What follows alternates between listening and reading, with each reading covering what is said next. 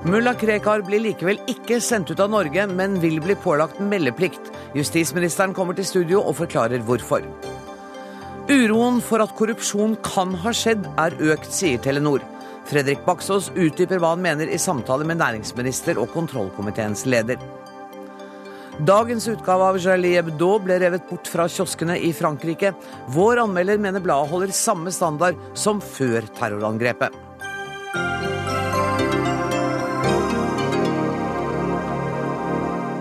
Dette er Dagsnytt 18 denne torsdagen, der vi også skal møte forfatteren Lucinda Riley, som gjør stormsuksess blant norske lesere. Men først skal det handle om mulla Krekar. Vi begynner med et gjenhør av hva Fremskrittspartiets Per Sandberg sa til reporter Anders Magnus i Dagsrevyen den 6. januar i år. Hvorfor blir han ikke satt i forvaring med en gang han kommer ut av fengsel? Godt spørsmål. Vent og se. Blir han det? Ja, hva, hva vet jeg? Men eh, som jeg prøver å si til NRK Justisministeren sier at det kan vi ikke gjøre. Det, det jeg prøver å si til NRK, eh, det er det at det har jobbes med forskjellige alternativer. Både på eh, kort sikt og på lang sikt. Tror du folk vil stole på eh, Fremskrittspartiets eh, valgløfter etter dette? Jeg tror eh, det norske folk vil bli tilfreds når de ser at Fremskrittspartiet greier å sende Krekar ut av Norge. Og det vil skje? Ja, det er et godt spørsmål. Ja, derfor jeg stiller jeg det også. Ja, Vet du det? Vet du det? Kanskje jeg vet mer enn du gjør. Velkommen, justisminister Anders eh, Anundsen. Dette var et litt kryptisk eh, intervju. Eh, hva var det Sandberg mente å vite på det tidspunktet? Eller for å spørre på en annen måte, hvilke alternativer har dere vurdert? Vi har vurdert en rekke alternativer i departementet. Vi har jobba iherdig for at vi skulle få til en løsning med Irak som gjorde at vi kunne returnere mulla Krekar raskt. Det har vi ikke fått til, og det er rett og slett fordi menneskerettighetene hindrer oss i å gjøre det med, uten at vi har en avtale som vi ikke har kommet i boks enda. Eh, så har vi jobba langs en rekke ulike spor. Dette sporet som vi nå forfølger videre, nemlig med denne instruksen som pålegger eh, alle personer som er utvist pga. hensyn til nasjonal sikkerhet, eh, et bestemt oppholdssted og meldeplikt, er det beste vi kan få til innenfor rammene menneskerettighetene setter. Men vi har ikke gitt opp håpet om å få ut alle disse personene som i utgangspunktet skulle vært sendt ut for lenge siden. Hvor mange snakker vi om? Det er en håndfull personer dette sannsynligvis dreier seg om. Jeg har ikke et konkret tall men det er en håndfull personer som i dag eh, har gått helt fritt rundt omkring i samfunnet uten eh, at de er nevneverdig ulikt behandla enn deg og meg. Mm. Det syns jeg er helt eh, hårreisende, og derfor denne er denne instruksen viktig i dag. Og Det er jo litt pussig, for denne lovbestemmelsen som gjelder akkurat dette, ble jo vedtatt i 2009. sånn at vi har jo hatt den i noen år, og det har vært full anledning både for dere og den tidligere regjeringen til å bruke den. Ja, den ble vedtatt i 2008 og ble satt i kraft i 2009. Mm. Og den kunne vært, den instruksen som vi gir nå, kunne selvfølgelig vært gitt tidligere. Nå gir vi denne instruksen for å løse opp i det jeg mener er et problem. Nå blir det problemet mindre, men vi løser jo ikke det problemet før vi har returnert de som anses for å være en trussel for rikets sikkerhet, og som ikke egentlig skal være her.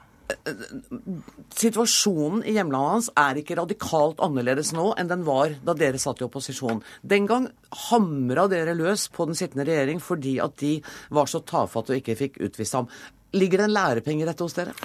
Eh, nå mener du tar feil når du mener at uh, situasjonen i Irak ikke har endra seg nevneverdig i det siste. Uh, situasjonen i Irak er jo dramatisk endret bare de siste, månedene de siste månedene og årene. Er den dramatisk mye verre for ham enn, enn den var ja, under den forrige regjeringen? Det er naturligvis mye vanskeligere å ha en dialog om disse forholdene nå når det er så mye dramatisk som skjer i Irak. De har mange store utfordringer å jobbe med.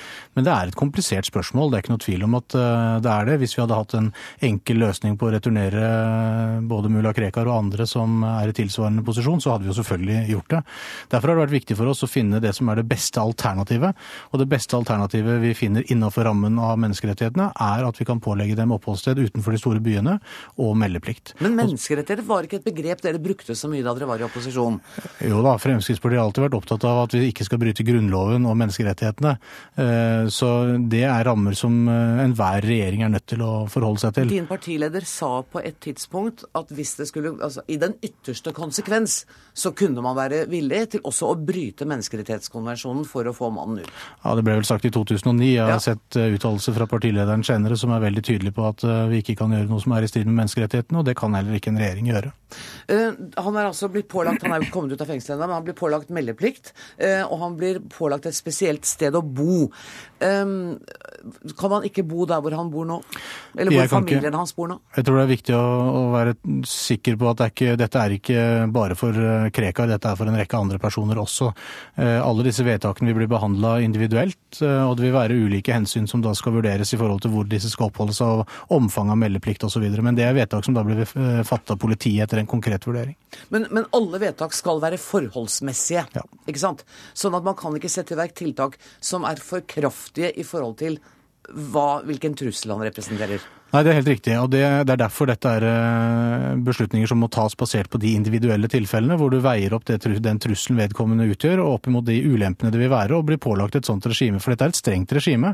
Du blir altså pålagt, eh, kan bli pålagt i ytterste tilfelle å bare oppholde deg i en kommune eller i et bestemt avgrenset område eh, med hyppig meldeplikt. Og det er klart at det må være en forholdsmessig vurdering når myndighetene gjør dette opp imot den trusselen som foreligger. og Det er derfor det er viktig at det foretas en konkret vurdering. og det er også derfor ikke jeg som statsråd kan si hva slags regime som det eventuelt blir knytta til konkrete personer.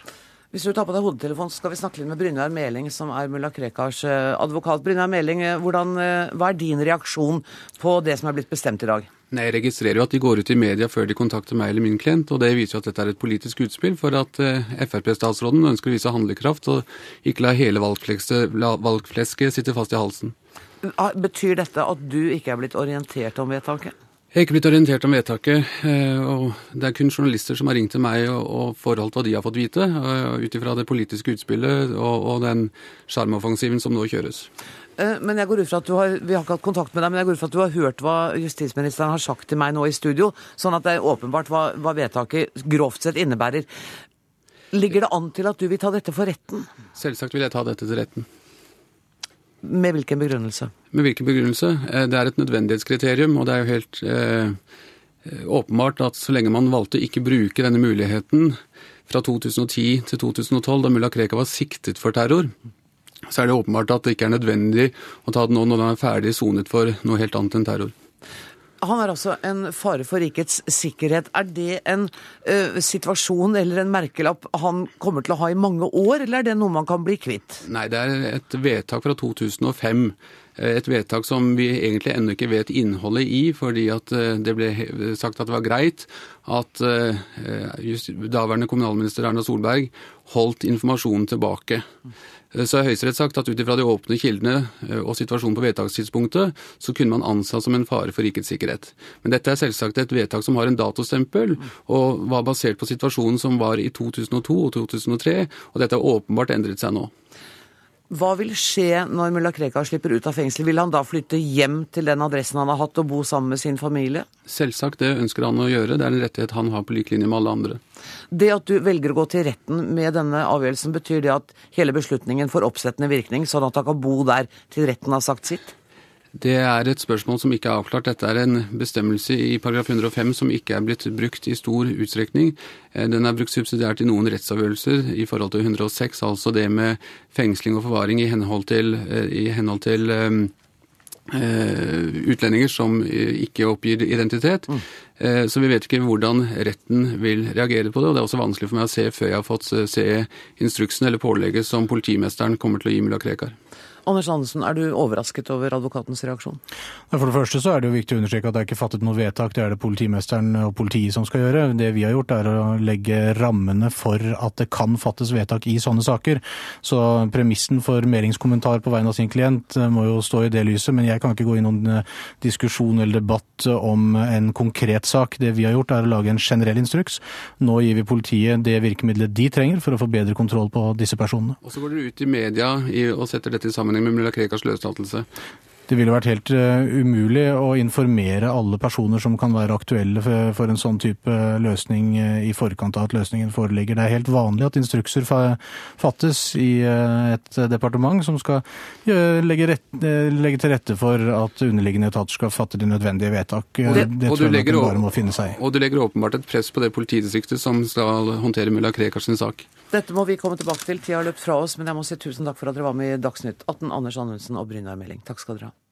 Hvilken rolle spilte Telenor i VimpelComs kjøp av mobil mobillisenser i Usbekistan. Det var et av temaene for den åpne høringen i Stortinget i dag, etter at det Telenor-eide datterselskapet russiske VimpelCom skal ha overført 600 millioner kroner til Usbekistans presidentdatter Gulnara Karimova i bytte mot mobillisenser. Jon Fredrik Baksås, velkommen til Dagsnytt 18. Du er, eh, som vi vet, konsernsjef i Telenor, tidligere styremedlem i VimpelCom, som Telenor eier 33% av. Din styreleder sa i høringen i dag at uroen for at korrupsjon kan ha skjedd, den øker etter hvert som stadig nye opplysninger kommer frem. Kan du være mer presis på det? For det første så I innledningen din så nevnte du at VimpelCom var et datterselskap av Telenor. Det var feil. Det har vi jo eh, Ja, det var bra. Det var feil.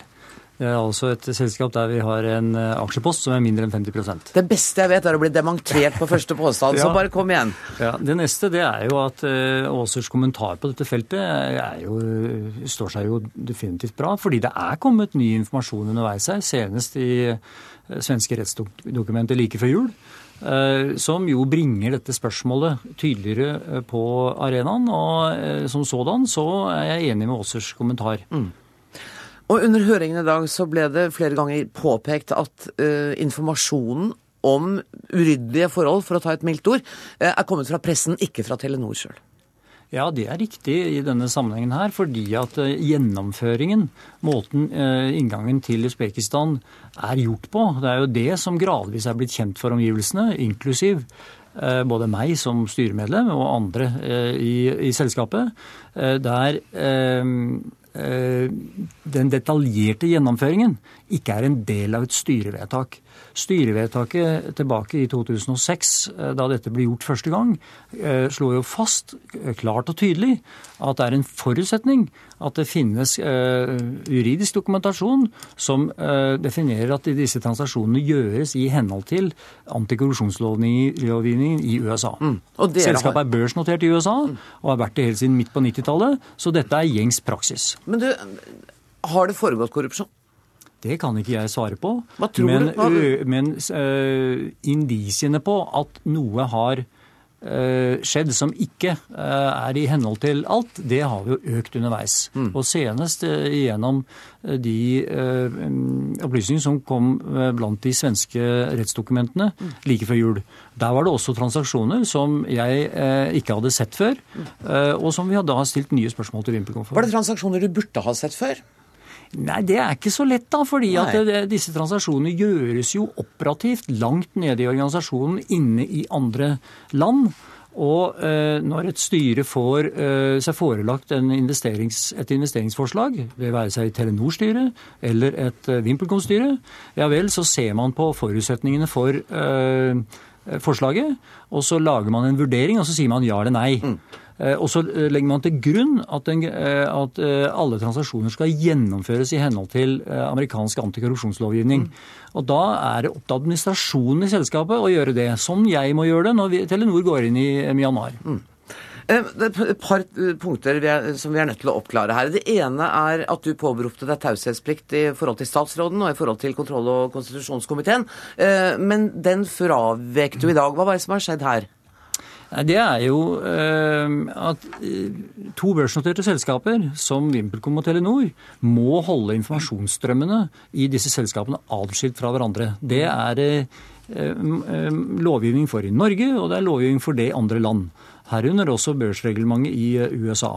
Så kommer vi til denne saken, og når Konstitusjons- og kontrollkomiteen gjør, ehm, legger eh, trykk på dette med taushetsplikt, så mener jeg eh, at det på forhånd ikke var ehm, grunnlag for å si at taushetsplikten i seg selv eh, skulle gjøre meg i stand til ikke gi en fyllestgjørende eh, forklaring til komiteen. For, kan ikke du formulere det en gang til, for nå skjønte jeg ikke helt hva konklusjonen på den Nei, setningen ble. altså eh, Komiteen eh, er jo opptatt av at vi skal gi en Ja. fyllestgjørende uh, gjennomgang. Du Og jeg ville da at denne taushetsplikten ikke skulle stå til hinder for det som ble sagt i dag. Okay. Og det har vi da også uh, gjort ved at vi har gjort oppmerksom på dette ved begynnelsen av høringen. Ja, men unnskyld meg, Tidligere har du sagt at du var bundet av den taushetsplikten. Bare sånn at vi rydder opp i dette nå. Det er helt riktig. I dag... og da lurer jeg på, hvorfor, hvorfor forandra du mening? Nei, det er jo at eh, kontroll- og konstitusjonskomiteen er jo et, en institusjon i Norge som uh, virkelig avkrever den respekt som det, det tilsier at den skal få, og Ja. det fikk den ved Nå. at vi tok dette skrittet. Ja, nå. Men tidligere så mente dere ikke at den hadde krav på den type respekt. Så da syns dere ikke at dere skulle. Ja, det handler jo ikke om respekt, dette her. Dette Ja, handler, handler om jo om om det, høringen eh, tidligere. Det handler ikke om respekt tidligere, dette handler jo om høringen i dag. Og i høringen i dag så har komiteen eh, lagt vekt på dette punktet, og vi fjernet altså den usikkerheten ved min uttalelse. Eh, Du har også vært eh, styremedlem i VimpelCom fram til eh, 7. desember. Ja. Hvor du da fant det riktig å trekke deg. Hvorfor vente så lenge? Ja, Det er jo et, eh, et spørsmål det er lett å stille nå, som det kanskje er vanskelig å svare på. Og min Men, jobb eh, er å stille at, lette eh, spørsmål. Husk på at jeg gikk inn i VimpelCom da VimpelCom Limited ble etablert i 2010. Eh, Det var etter en lang konfliktperiode og en lang forhandlingsperiode til vi fant en ny løsning med vår partner i VimpelCom. Da mente vi at det var riktig at jeg skulle være inne i styret for å balansere opp mot den andre eieren. Eh, Så gikk jeg ut i 2011, og så kom jeg inn igjen i slutten av 2011 fordi vi hadde bemannings, eh, en bemanningsrokade totalt sett. Eh, Så gikk jeg ut av styret i desember 2014 fordi at vi også jo skulle gå i en høring her i, i Norge. Og det må ikke være tvil om at det er Telenors forhold som er prioritet én for konsernsjefen i Telenor. Og vi var kommet til det nivået at jeg måtte da gå ut av styret. Næringsminister fra Høyre, Monica Mæland. eh, Hvor fornøyd er du med høringen i dag? Ja, det må du egentlig spørre kontrollkomiteens leder om. Nei, jeg spør deg fordi at du tidligere har sagt at du har hatt fullstendig tillit til eh, Baksås og Telenor for håndtering av dette her, også på det tidspunkt hvor Telenor mente at de hadde taushetsplikt i forhold til deg. Så derfor så spør jeg deg nå, når du har hørt alt han har sagt i dag, hvordan, reagerer du nå? Ja, Han har ikke sagt noe i dag som han ikke har fortalt meg tidligere. Okay. og det er jo utgangspunktet. Eh, høringen i dag har ikke avklart forhold som jeg ikke var kjent med. Eh, derfor var dette heller ikke problematisk for min del eh, når jeg hadde møte med Telenor. Når det gjelder høringen og hvor fornøyd man er med høringen, så er det min oppgave å møte, svare på spørsmål, og så er det opp til komiteen å trekke konklusjoner av høringen. Men du må jo også trekke noen konklusjoner ut fra hva du har hørt i dag. Du sier at du ikke har fått høre noe nytt i dag. Eh, betyr det at du føler deg trygg på de, den tilliten og de vurderingene du har gjort i denne saken? Jeg har sagt at jeg er tilfreds når jeg møter Telenors eh, styre, og det er de jeg forholder meg til, med de regler, den oppfølging eh, og den aktivitet de har for å være veldig tydelig på sin, eh, sin nullvisjon for korrupsjon. Eh, Og at de aktiviserer seg, at dette ikke bare er planer som ligger i en skuff, men at de faktisk er aktive for å prøve å følge opp eh, og sørge for at dette ikke skjer. De har også vært aktive når det gjelder eh, et forsøk på å avdekke de faktiske forhold, og det har de ikke greid å gjøre. Så det jeg har sagt, er at basert på den informasjonen jeg har, basert på at den er korrekt, så er tillit til at de gjør det vi forventer av de når det gjelder eh, sitt arbeid mot korrupsjon. Martin Kolberg, da må jeg spørre deg da, som leder av kontroll- og konstitusjonskomiteen, hvordan du vurderer høringen i dag? Jeg kan først øh, knytte en kommentar til det som øh, du begynte med, nemlig dette med øh, ikke Telenor sendte jo et brev til Stortingets kontroll- og konstitusjonskomité. Baksås sier ikke det. Hvor han mente at han gjorde en avgrensning, og de gjorde også en avgrensning i forhold til en eventuell lukket høring.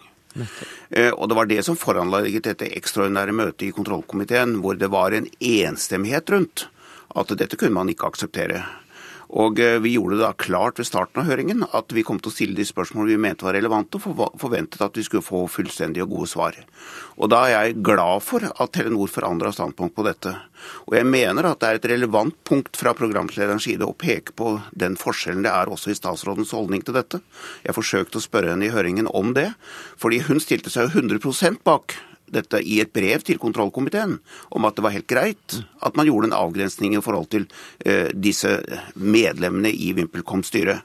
Nå har vi fått lagt det til side, og det er bra, men det var en feilvurdering. Både fra Telenor sin side og fra statsrådens side på dette punktet. Jeg slår det fast. Og det er bra at vi har kommet til åpenhet. For det er ingen som behøver å mene at man ikke skal snakke sant til kontrollkomiteen eller til Stortinget. Dette er ikke et forsøk på å være pompøs, dette har noe med demokrati å gjøre. For det er nok av eksempler i Europa på store internasjonale konserner som prøver å nulle ut nasjonale myndigheter og lager interne regler som gjør at politikken ikke kommer inn og får regulert det som foregår. Eh, det er det ene punktet som jeg vil si. Det andre punktet er at vi får demonstrert dessverre at eh, det er veldig vanskelig for norske selskaper å operere i denne type land. Spesielt fra en mindretallsposisjon i et selskap. Eh, og det er en leksjon for norsk næringsliv etter mitt skjønn, det vi har fått høre i dag, hvor vanskelig dette er. Fordi det Baksås og Aaser har sagt til Stortinget, det er at de ikke har hatt styringskraft, ikke har blitt informert, eller ikke har forstått. Ikke uh, når det gjelder investeringene i Usbekistan, ikke når det gjelder dette spesielle selskapet, altså disse 600 millioner kronene som har gått dit. De vet ikke hvorfor, de vet ikke hva pengene har gått til, og de forstår ikke hvorfor det har skjedd, og har ingen informasjoner. Og både Baksås og statsråden viser hele tiden til politiet. Det er greit nok, men spesielt fra statsrådens side så vil jeg si at jeg savner at hun har en politisk mening om slike, eh, slik, et slikt handlingsmønster. Det nektet hun å si i komiteen, og det beklager jeg. Nå er det mange momenter her, men, men du, du, sa midt inni her at uh, det viser hvor vanskelig det er for Norge å ha en liten stilling i et sånt selskap. Bør lærdommen være her at vi ikke går inn i denne type posisjoner? Eh, jeg har tenkt så langt, for å si det slik, at hvis det er noe vi skal invitere Stortinget til å diskutere, er det nettopp det at her er det nødvendig å være veldig aktpågivende når det gjelder mindretallsposisjoner i internasjonale selskaper som vi ikke har kontroll på, hvis vi skal ta Stortingets og regjeringens holdning til korrupsjon på alvor, og Telenors vimpel om at de har, er 100% aktive på korrupsjon. Da må vi tenke igjennom dette, så vi ikke kommer i sånne situasjoner som dette. Trond Giske, jeg inviterte deg også fordi at du var næringsminister da denne saken kom opp, så den lå på ditt bord. Uh, uh, var, var du også litt naiv, eller litt uvøren med det som skjedde? Nei, vi var dypt bekymra. Og Det som gjorde oss bekymra da vi hørte om denne saken første gang, det var jo da på høsten 2012. Det var jo de avsløringene av at eh, Telia Sonera eh, hadde eh, overført store beløp til dette selskapet. Og vi var redd for at det var parallellitet mellom det VimpelCom hadde gjort i 2007 og det Telia Sonera hadde gjort. Det var det som var foranledningen for at vi ba om en redegjørelse fra Telenor. Vi hadde et møte med Telenor. Jeg er helt overbevist om at Telenor den gangen fortalte oss det de visste. Men det som er helt åpenbart i ettertid, er jo at heller ikke eh, Baksås eh, og Aaser den gangen eh, visste alt, og vi vet vel kanskje ikke alt den dag i dag. Men burde ikke de ha visst? Burde ikke de ha anstrengt seg for å vite? Jeg mener jo at eh, når politiet er ferdig med sin etterforskning og alt er på bordet og vi vet hva som har skjedd, så må det komme en evaluering av eh, styret i VimpelCom og også Telenors medlemmer der, om man skulle vært enda mer offensiv. Mm. Men det er jo en kjerne i denne saken, eh, som eh, Kolberg sier. Eh, at, og Telenor sier det litt forsiktig, men at man er i en veldig vanskelig situasjon. Man mm. sitter som medeier i et selskap hvor man har en annen eier som egentlig styrer. Mm. Hvor man nå egentlig bare har en finansiell aksjepost og veldig lite innflytelse i selskapet. Og rett og slett ikke helt trygg på at eh, ledelsen og den andre eieren har de samme verdiene. Det er jo bare for å legge til ikke en ønska situasjon fra Telenors side. Dette kom jo etter en langvarig maktkamp om dette selskapet. Men at man ikke bør stille seg i en situasjon hvor man sitter med en partner man ikke stoler på, i en mindretallsposisjon, det må være helt klart etter denne runden. Og det har dere lært etter dette, Baksås? Ja, det var jo mitt poeng nå også. Altså, det, dette er jo ikke en valgt situasjon. Dette er jo en situasjon som har oppstått etter at eh, det har vært en langvarig konflikt om eh, nettopp styringen i selskapet. Betyr det at eh, med et, et, et Telenor-styrt VimpelCom, ville man da unngått? Ja, da ville vi i hvert fall hatt systemer med oss som vi i hvert fall hadde fått varsellampene til å blinke, tror jeg. Vi har fått varsellamper til blinke før pga. våre holdninger, og vi har unngått å investere i land og plattformer som vi ikke har sett er robuste, og som har variert etterpå. Og dere har også plaska ut i det noen ganger og, og gått på skandale eller på Ikke hva gjelder korrupsjon. Nei, men i andre sammenhenger har det vært Jo, ja. men husk her, altså hvis vi skal gå tilbake til begynnelsen av Telenor internasjonalt, så er jo det forankret i at vi startet med å gå tidlig i land mm. som ikke hadde en moderne infrastruktur.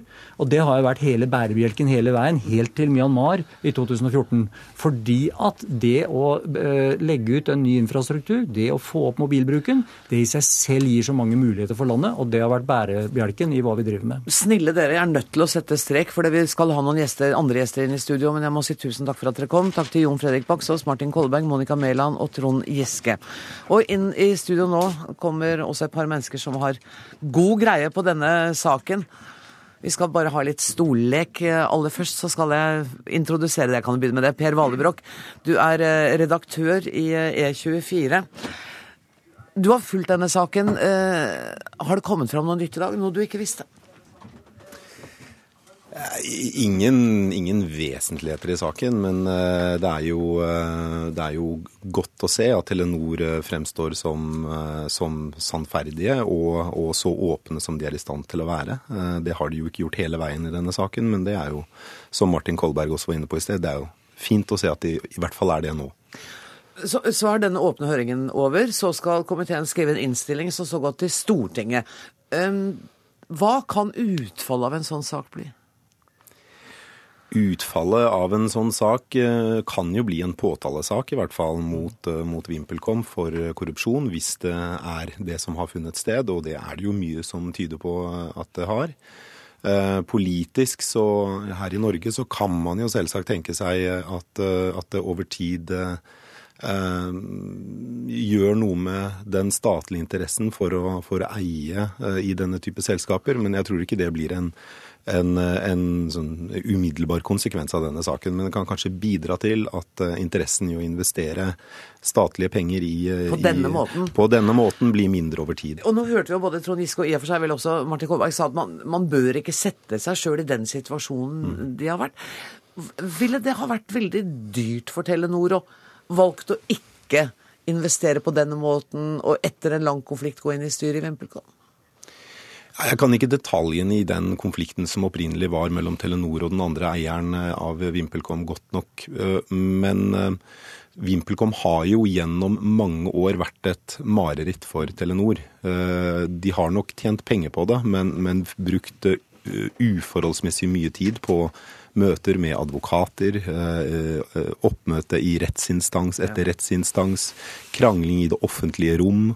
Eh, en motpart som er da en av Russlands rikeste og mektigste oligarker. Det er ikke noe godt utgangspunkt for å holde sin sti ren.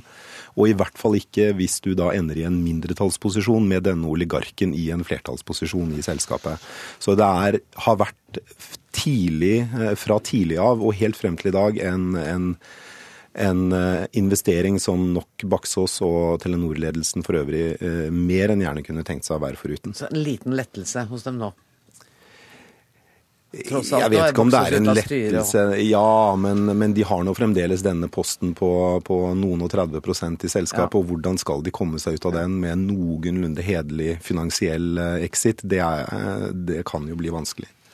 Beate Sjåfjell, du er professor i rettsvitenskap ved Universitetet i Oslo. Du har vært i dette studioet tidligere. Da snakket vi nettopp om eh, den taushetsplikten som Baksås påberopte seg, men som han nå altså fravek. Ja, det ble referert for meg før jeg hørte dette i høringen. Jeg måtte høre det sjøl med egne ører for å tro det. For det, er jo helt fantastisk at en konsernsjef først kan påberope seg en taushetsplikt som nå er rettslig bindende, og som så kan sitte og uttale at den legger jeg nå til side. Eh, og da kan man jo stille spørsmålet ved om eh, konsernsjefen også forholder seg like lemfeldig til eh, andre plikter. Nå sier de jo at uh, det har vært en ekstremt vanskelig situasjon i forbindelse med VimpelCom, og at konsernet har lært av mm. dette. Uh, uh, men du sa i forrige runde her at det virker som om dette selskapet må ha liksom en skandale i hvert land og lære noe av hver eneste en før de skjønner hele bildet. Fastholder du det nå? Ja, i, i hvert fall det. Etter å ha hørt på høringen i dag, så, så kan jeg jo også stille spørsmålet om det er slik at, at selskapet har en strategi for å håndtere sånne saker når de kommer opp, kommer opp i, i, dagen. At man da eh, ser veldig alvorlig på det og har nulltoleranse mot korrupsjon og nok aldri vil gå inn i akkurat den type sak igjen. Så man kan jo lure på om det her har vært en, en bevisst risiko. I beste fall så, så, har det jo vært en veldig nonsjalant holdning til et område som de sier at de tar veldig alvorlig. Ja, og den, eh, den alvorlige holdningen som de nå tar, tar de den etter at de har blitt presset både av pressen og av politikere?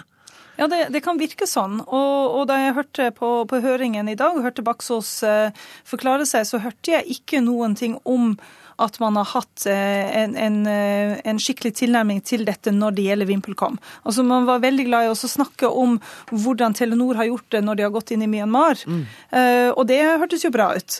Uh, men hvis man, hvis man, tar dette på alvor, så, så, gjør man det også i andre selskaper hvor man indirekte går inn i vanskelige land. Man sier ikke bare da at nei, det, det er ikke vårt ansvar, for vi er bare aksjonær, samtidig som man sitter i styret for å forsøke å ha mest mulig kontroll. Så dette, dette, henger rett og slett ikke sammen. Eh, det er veldig enkelt å si at man har eh, nulltoleranse. Jeg kan også si at jeg har eh, nulltoleranse mot heleri, og at jeg aldri vil kjøpe stjålne varer. Og så kan jeg ikke trenge å måtte gjøre spesiell undersøkelse hvis jeg da går på en, en, vanlig butikk i Oslo og kjøper en vare. Men er det en som står og vil stelle stereoanlegg til meg på gatehjørnet, så kan jeg ikke si til vedkommende at jeg har nulltoleranse mot heleri, Nei. og ferdig med det. Nei. I noen tilfeller så må man rett og slett være, la være å gå inn. Og i andre tilfeller, hvis man vil gå inn, så må man gjøre grundige undersøkelser, og ikke sitte da etterpå og si at det er den type spørsmål som styret ikke går inn i. For styret har nettopp et ansvar for å gå dypere inn i saker hvor det er grunn til å tro at det kan være eh, eh, forhold som, som gir eh, grunnlag for, for, det. Det gjelder som styremedlem, og det gjelder for Telenor som aksjonær. Eh, nå har eh, Baksås gått ut av styret i, i VimpelCom. Eh, styrker det på en måte tilliten til ham og hans etiske holdning? Eh, nei, jeg syns ikke det. Jeg syns det virker som man ikke bare prøver å ri to hester her, men å ri på alle hester samtidig. Og så Han har satt seg selv i en uheldig dobbeltrolle, og når presset blir for stort der, så går han ut av den dobbeltrollen under henvisning til at, uh, at det, det, kunne være interessekonflikter mellom Telenor og VimpelCom, men det kunne det jo ha vært hele tida. Mm. Så han burde jo aldri ha vært i det styret. Og hvis han skulle ha vært i det styret, så skulle han i hvert fall gjort en ordentlig jobb der. Men, men etter det vi har hørt i dag, så kan jeg ikke se at dette her har vært fulgt ordentlig opp, verken av Baksås som styremedlem eller av Baksås som, som konsernsjef, eller av staten som aksjonær i Telenor. Og nå skal eh, kontroll- og konstitusjonskomiteen skrive sin innstilling, og jeg snakket med Martin Kolberg før han kom i studio, han sa det ville i hvert fall ta 14 dager. Da kan hende at vi ses igjen her. Tusen takk for at dere kom, Beate Sjåfjell og Per Valbrokk.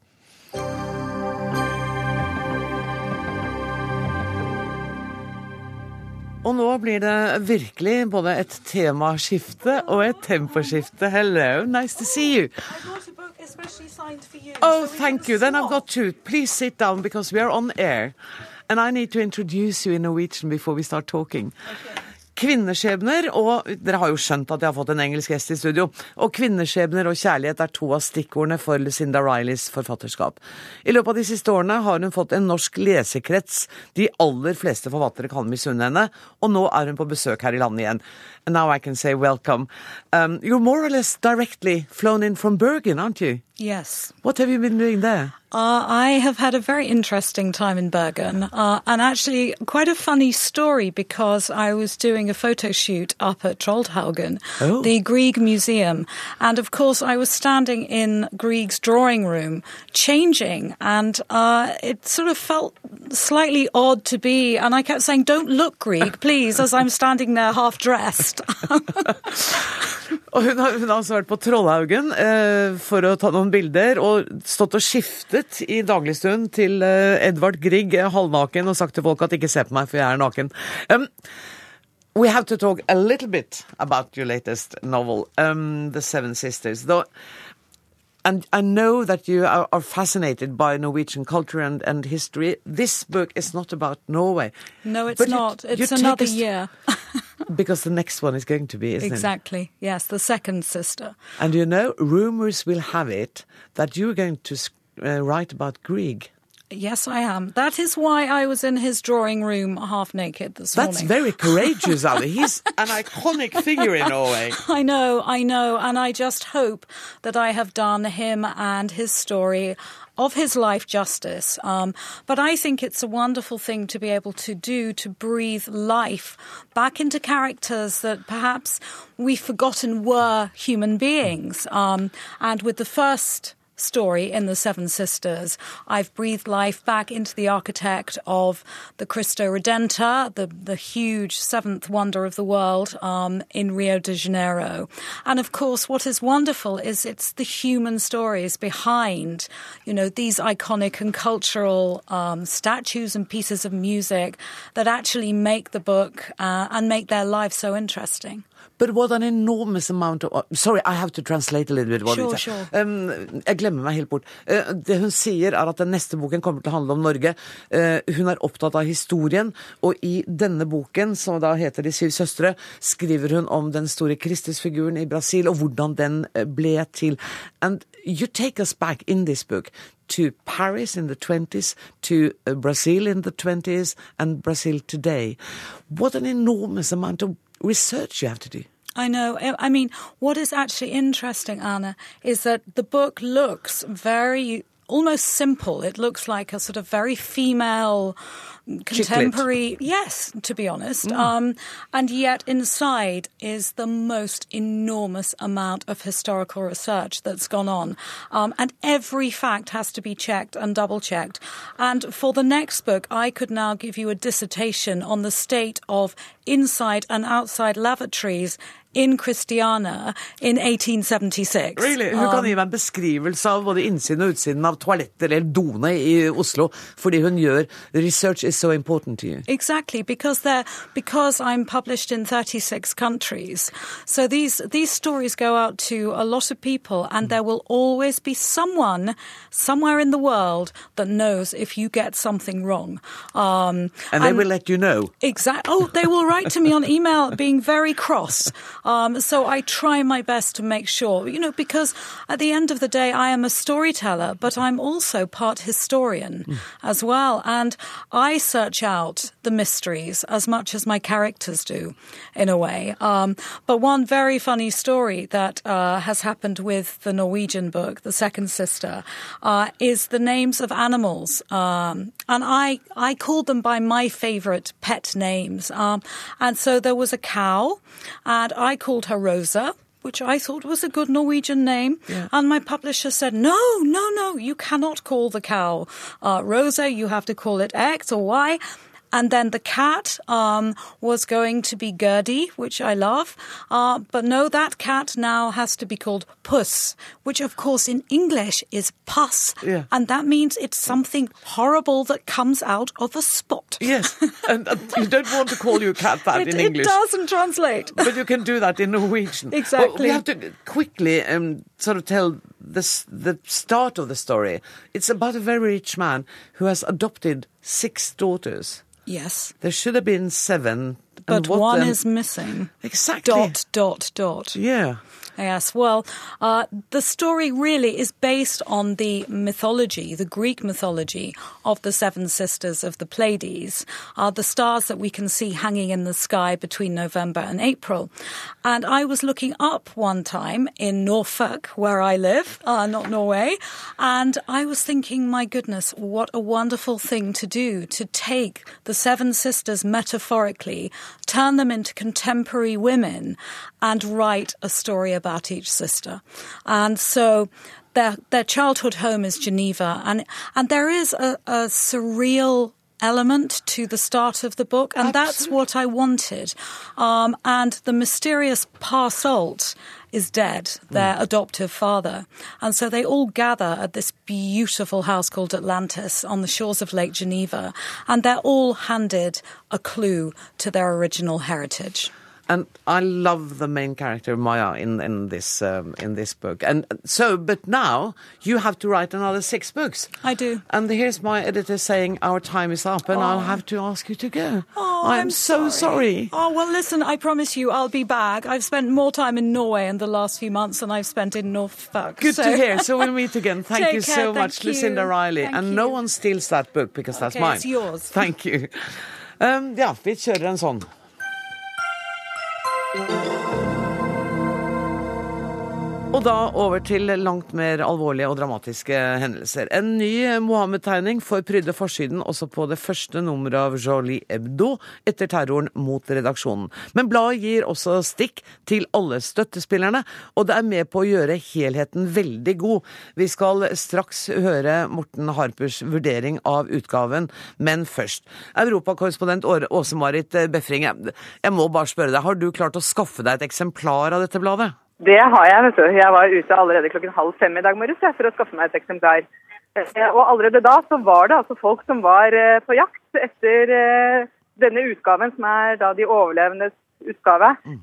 Og, og det ble jo raskt revet bort, da. Så ettersom kioskene åpnet, så var det borte på få minutter. Hvordan reagerer de muslimske miljøene i Paris på dette? Ja, De muslimske miljøene, altså store organisasjonene, bl.a. den største paraplyorganisasjonen da, i Frankrike, har vært ute og manet til ro og besinnelse. Vi håper at ingen muslimer vil reagere på dette. Man ønsker ikke mer splittelse nå.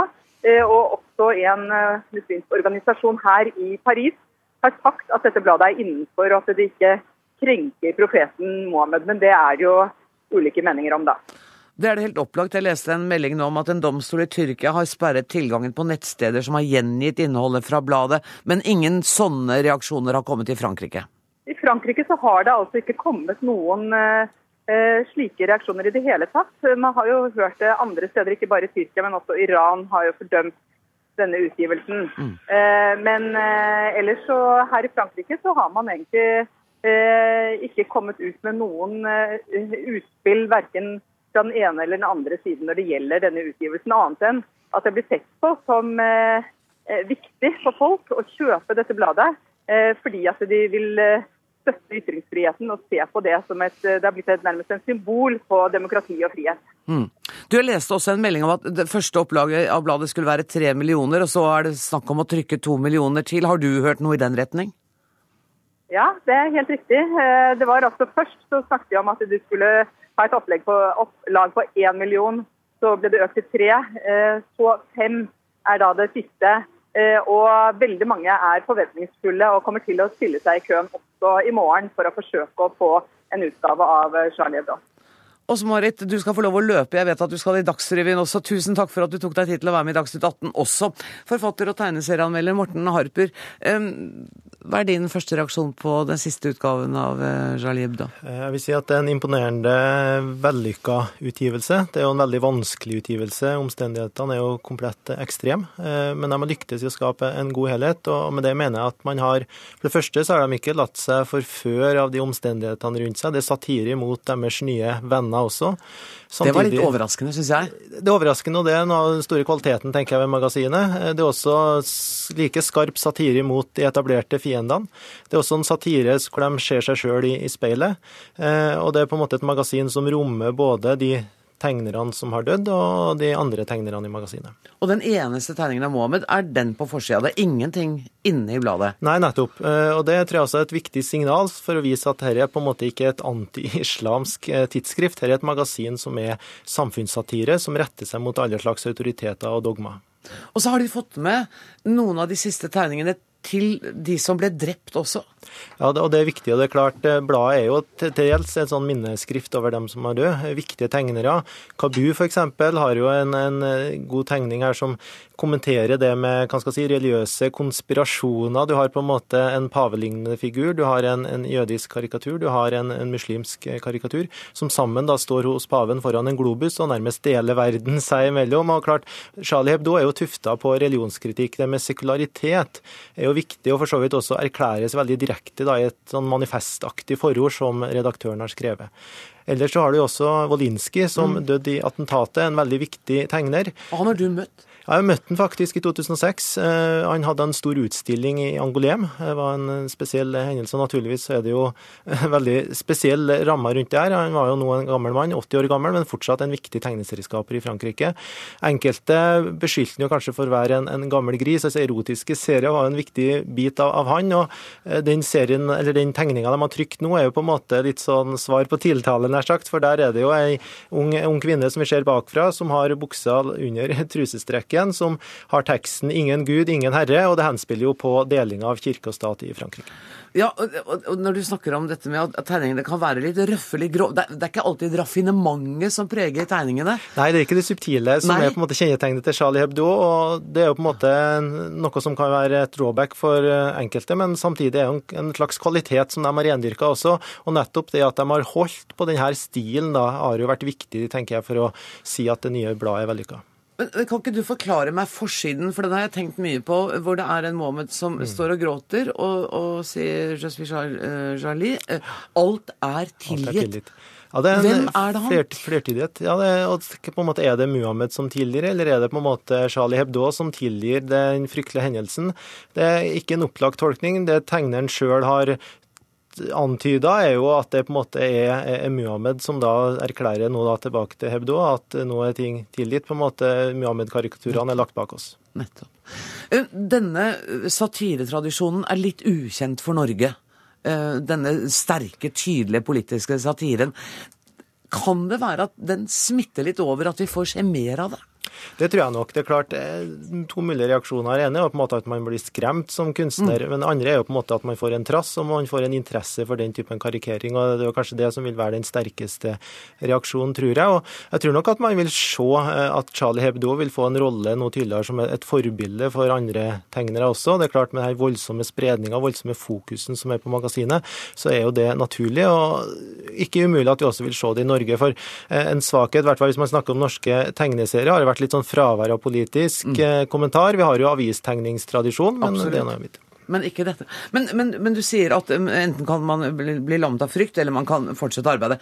Det er helt åpenbart at eh, franske karikatur, karikaturtegnere har ikke blitt lammet av frykt, for de har fått flere nye med denne uka Absolutt. her. Sterkt mobilisert. Og noe av det mest gledelige i det magasinet syns jeg var jo den viktigste fransk-arabiske tegneserieskaperen Riyad Satouf, som uh, har et bidrag. Han uh, utga jo i fjor en uh, sjølbiografisk tegneserieroman som har blitt en bestselger i hjemlandet. 'Fremtidens araber' heter den, og har da bidratt i denne nye Charlie Charlie Hebdo. og Det er også veldig, veldig viktig og riktig at han er en av bidragsyterne, tenker jeg. Også et bra bidrag. Tusen takk for at du kom til Dagsnytt 18 og snakket om det siste utgaven av Charlie Hebdo. Hør Dagsnytt 18 når du vil. Radio NRK Radio.nrk.no. Det var Al Qaida i Jemen som beordret terrorangrepet mot satireavisa Jolie Hebdo i Paris. Det hevder terrornettverket i en video som ble lagt ut på YouTube i dag. فإننا في تنظيم قاعدة الجهاد في جزيرة العرب نتبنى هذه العملية ثأرا لنبينا صلى الله عليه وآله وسلم ونوضح للأمة أن الذي اختار الهدف ورسم الخطة ومول العملية وانتدب قائدها هم قيادة التنظيم استجابة لأمر الله Ja, Det vi hører her, er en av lederne for Al Qaida i Jemen, Nasir bin Ali al-Ansi, som påstår at terrornettverket valgte målet, la planen og finansierte angrepet. Sigurd Falkenberg Mikkelsen, NRKs Midtøsten-korrespondent, du er med oss fra Kairo. Kommer det som en overraskelse at Al Qaida i Jemen tar på seg dette ansvaret? Nei, det gjør det ikke. fordi det har uh, vært mange ting som har pekt i den retningen uh, lenge. Det har kommet påstander tidligere fra organisasjonen om at de sto bak, men ingenting så tydelig som dette. Samtidig som vi vet at minst én av brødrene har vært uh, i Jemen og da truffet disse folkene. Men det var så langt tilbake som i 2011, og trass denne videoen så er det ikke noe som er helt sikkert i hvor tett de har vært inne i organiseringen og akkurat hvordan dette henger sammen. Det har f.eks. kommet indisier i både belgisk og fransk presse på at eh, våpnene eh, som ble brukt, ble kjøpt i Belgia, eh, finansiert med et vanlig forbrukslån opptatt i Frankrike. Sånn at etterforskningen vil kanskje vise mer detaljert hvordan dette henger sammen. Men hvordan er reaksjonen i Egypt på disse nyhetene? Når det gjelder uh, terrorangrepet, så ble det fordømt uh, politisk mm. veldig raskt. det har vært en litt spissere tone her etter at den nye utgaven kom, særlig fra religiøse instanser, som har fordømt tegningene og kaller de både fornærmende og opprørende, og at de også da vil framprovosere mer sinne både i Vesten og her i den muslimske verden. Men det har også gått ut en oppfordring fra Al-Azhar, som er det viktigste sunnimuslimske lærestedet, om å ignorere disse tegningene. Så det er ingenting som tyder på at man i Egypt vil gjøre noe à la det man har gjort i Tyrkia, der en domstol har gått inn og stanset tilgangen til et nettsted? Nei, det tror jeg, men det, det, er fordi det ikke er på tale å, trykke tegningene her. Det tror jeg ingen aviser eh, kan, eh, kan, kan komme til å gjøre. Uh, og de vil heller ikke, Det har ikke vært snakk om å stenge de uh, nettstedene, men derimot så har uh, president Sisi gått ut og sagt at han vil sensurere alle utenlandske publikasjoner som fornærmer religionen. Takk skal du ha, Sigurd Falkenberg Mikkelsen. Stig Jarle Hansen, du er ekspert på Jemen og en av svært få nordmenn som har drevet feltarbeid i landet. Kan du uh, forklare meg hvem Al Qaida i Jemen er? Er det en direkte tilknytning til det Al Qaida vi kjenner? Både ja og nei. Altså Al Qaida i Jemen har vært aktiv eh, ganske langt tilbake. Men det var en, et oppbrudd der i 2004-2003 hvor det virket som Jemen sammen med amerikansk dronekrigføring hadde knust organisasjonen. Så du på en måte fikk en gjen tilbakekomst av denne organisasjonen etter en stor eh, fengselsrømming faktisk i 2006. Eh, hvor den organisasjonen oppsto igjen. Den eh, styrket seg. Eh, den greide seg veldig bra i perioden etter den arabiske våren, hvor den tok ganske store territorier, før du da fikk en eller annen form for eh, fredsløsning i Jemen som gjorde at hæren igjen kunne settes inn mot Al Qaida på den arabiske halvøy. Men det som har skjedd det siste året, er at denne organisasjonen igjen har styrket seg pga.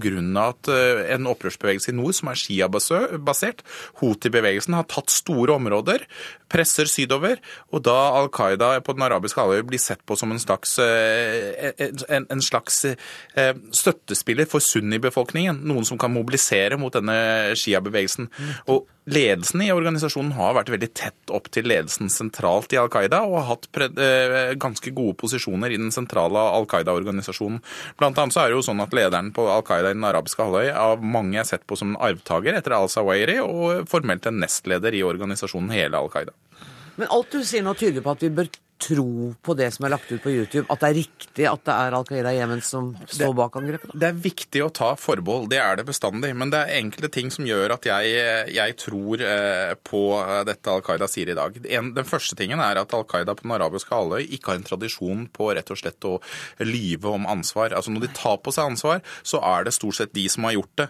Det andre er at i tillegg til at vi har denne ansvarstagningen, mm. da tidligere har hatt rykter som har svirret om fra jemenittiske kilder kilder om at dette er tilfellet. Mm. Det tredje er at vi har en formell eh, eh, på en måte tilståelse av en av gjerningsmennene i hovedangrepet. Det som forvirrer, er at sideangrepet mot kjøpesenteret, der har du jo en som sier at han er affiliert med IS. Ja. Men i hovedangrepet, det viktigste angrepet, der har du faktisk en tilståelse hvor en har gått ut og sagt at han var eh, en del av Al Qaida på den arabiske halvøy. Ser vi en konflikt her mellom IS og Al Qaida? Ja, det er ikke sikkert. Altså, du har på en måte to muligheter. Eller ser vi en samarbeids... Ja, altså Én ting er at IS har vært veldig prominent i media, også i Norge. Mange har fokusert på IS, så det kan godt hende at dette sideangrepet mot kjøpesenteret faktisk var av en som var mer perifer i organiseringen. At han selv tok på seg dette eh, ansvaret for IS. Men i forhold til Al-Ansi, som påtok seg ansvaret her i Jemen, så er det også interessant, men veldig spekulativt. Så journalister skal være litt skeptiske til det jeg sier nå. Jeg er veldig skeptisk nå. Veldig bra. Eh, det er at Al-Ansi tidligere har oppfordret til å moderere forholdene mellom Al Qaida og IS. Okay. Han har vært aktivt ute på, i media. Han har sagt at vi må prøve å få til en avtale, en eller annen forståelse mellom de to organisasjonene. Så dette er jo litt interessant. Men det som peker imot en samarbeidsavtale, det er at dette er jo ikke nevnt i denne redegjørelsen i dag. Og dette er ikke nevnt i kildene fra Jemen. Nei, nettopp. Og, men du, du det festa meg noe du sa om at i Norge også så har vi vært veldig opptatt av IS. Ja. Um, betyr det at både norske overvåkningsmyndigheter og politiske myndigheter har vært litt for slappe med å følge med på Al Qaida? Jeg syns man eh, skal være litt mer påpasselig. Vi skal ikke glemme Al Qaida på den arabiske halvøy, som vi snakker om her. De har altså magasinet Inspire, som henvender seg til et engelskspråklig publikum. Dette gjør de spesielle. De har hatt eh, norske, norske statsborgere og folk med tilknytning til Norge. En av de er Dale, som er ganske kjent i media. En annen som er mer kjent fra Somalia, er Ikrima al-Mujahir. Altså en av de som de sier er bakmennene eh, i Westgate-angrepet i Kenya, som har bidratt da, med artikler til Inspire. Og Begge disse to har en forankring i forhold til Norge. Og det som eh, gjør kanskje Vesten sårbare for Al Qaida på den arabiske halvøy, er nettopp det at vi har ignorert de. Og nå er det også en tendens i den offentlige debatten i Europa til å ignorere faktisk hva som skjer i Jemen. Og det som skjer i Jemen er ganske alvorlig. Det er ingen som ser på det. Det er en stat som holder på å implodere, og det gir eh, muligheter for bevegelser som Al Qaida på den arabiske halvøy. Det syns jeg var dystre utsikter, men du skal ha hjertelig takk for at du kom, Stig Jarle Hansen. Og da skal vi høre at nå i ettermiddag er Arfan Bhatti blitt pågrepet av politiet idet han kom til Gardermoen med fly fra Pakistan. Det bekrefter Oslo-politiet nå. Bhattis advokat Jon Christian Elden sier at Bhatti er pågrepet pga. en fire år gammel straffesak som skal være en familievoldssak. Journalist og forfatter Kjetil Stormark, som eh, sjefredaktør i Hate Speech International så har du fulgt Bhatti lenge. Hva kan denne arrestasjonen bety? Ja, Det at Bhatti er tilbake igjen i Norge er svært dårlige nyheter på dette tidspunktet når det gjelder sikkerheten i Norge.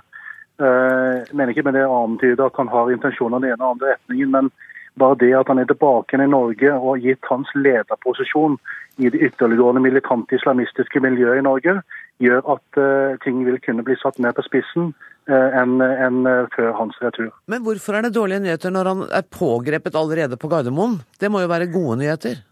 Ja, Det er svært lite sannsynlig at han blir sittende i politivaretekt lenge pga. denne siktelsen i en slik sak som dette. Gitt at han har en så oppegående advokat som Jon Christian Elden, så regner jeg med at han er ute igjen i løpet av få dager. Hva som er de faktiske forhold i den aktuelle saken, det er vanskelig for meg å uttale meg om. Men det vi vet, er at han har bidratt til en mer tilspissa sikkerhetsmessig situasjon tidligere gjennom sin væremåte og sin lederposisjon i ytterliggående ekstremistiske miljøer. Og jeg frykter at hans retur til Norge nå vil sette situasjonen mer på spissen når det gjelder sikkerheten i Norge, som setter litt i, i grovt. Vet vi hva han har gjort i Pakistan? Eller vet du noe om det? Jeg vet ingenting om det. Han har vært i fengsel i Pakistan, men ble sluppet løs i fjor høst. Han har da oppholdt seg i, ifølge Elden i landsbyen til sin familie i Pakistan. Men før og pågripelsen i Pakistan så figurerte han jo i sosiale medier med våpen, bl.a. fotografert med våpen. Han har jo lenge bygd en posisjon, lederposisjon i det ytterliggående miljøet Profeten Summa i Norge. Og, og ved hans retur til Norge så vil dette miljøet sannsynligvis blir mer potent. Ja og mer pågående. Takk skal du ha, Kjetil Stormark. I denne omgang denne saken kommer til å prege nyhetssendingen, helt sikkert. Jeg må bare avslutte med å si at ansvarlig for Dagsnytt 18 i dag var Hege Holm. Det, ansvar, det tekniske ansvaret har Hilde Trosterud. Jeg heter Anne Grosvold. Takk for nå.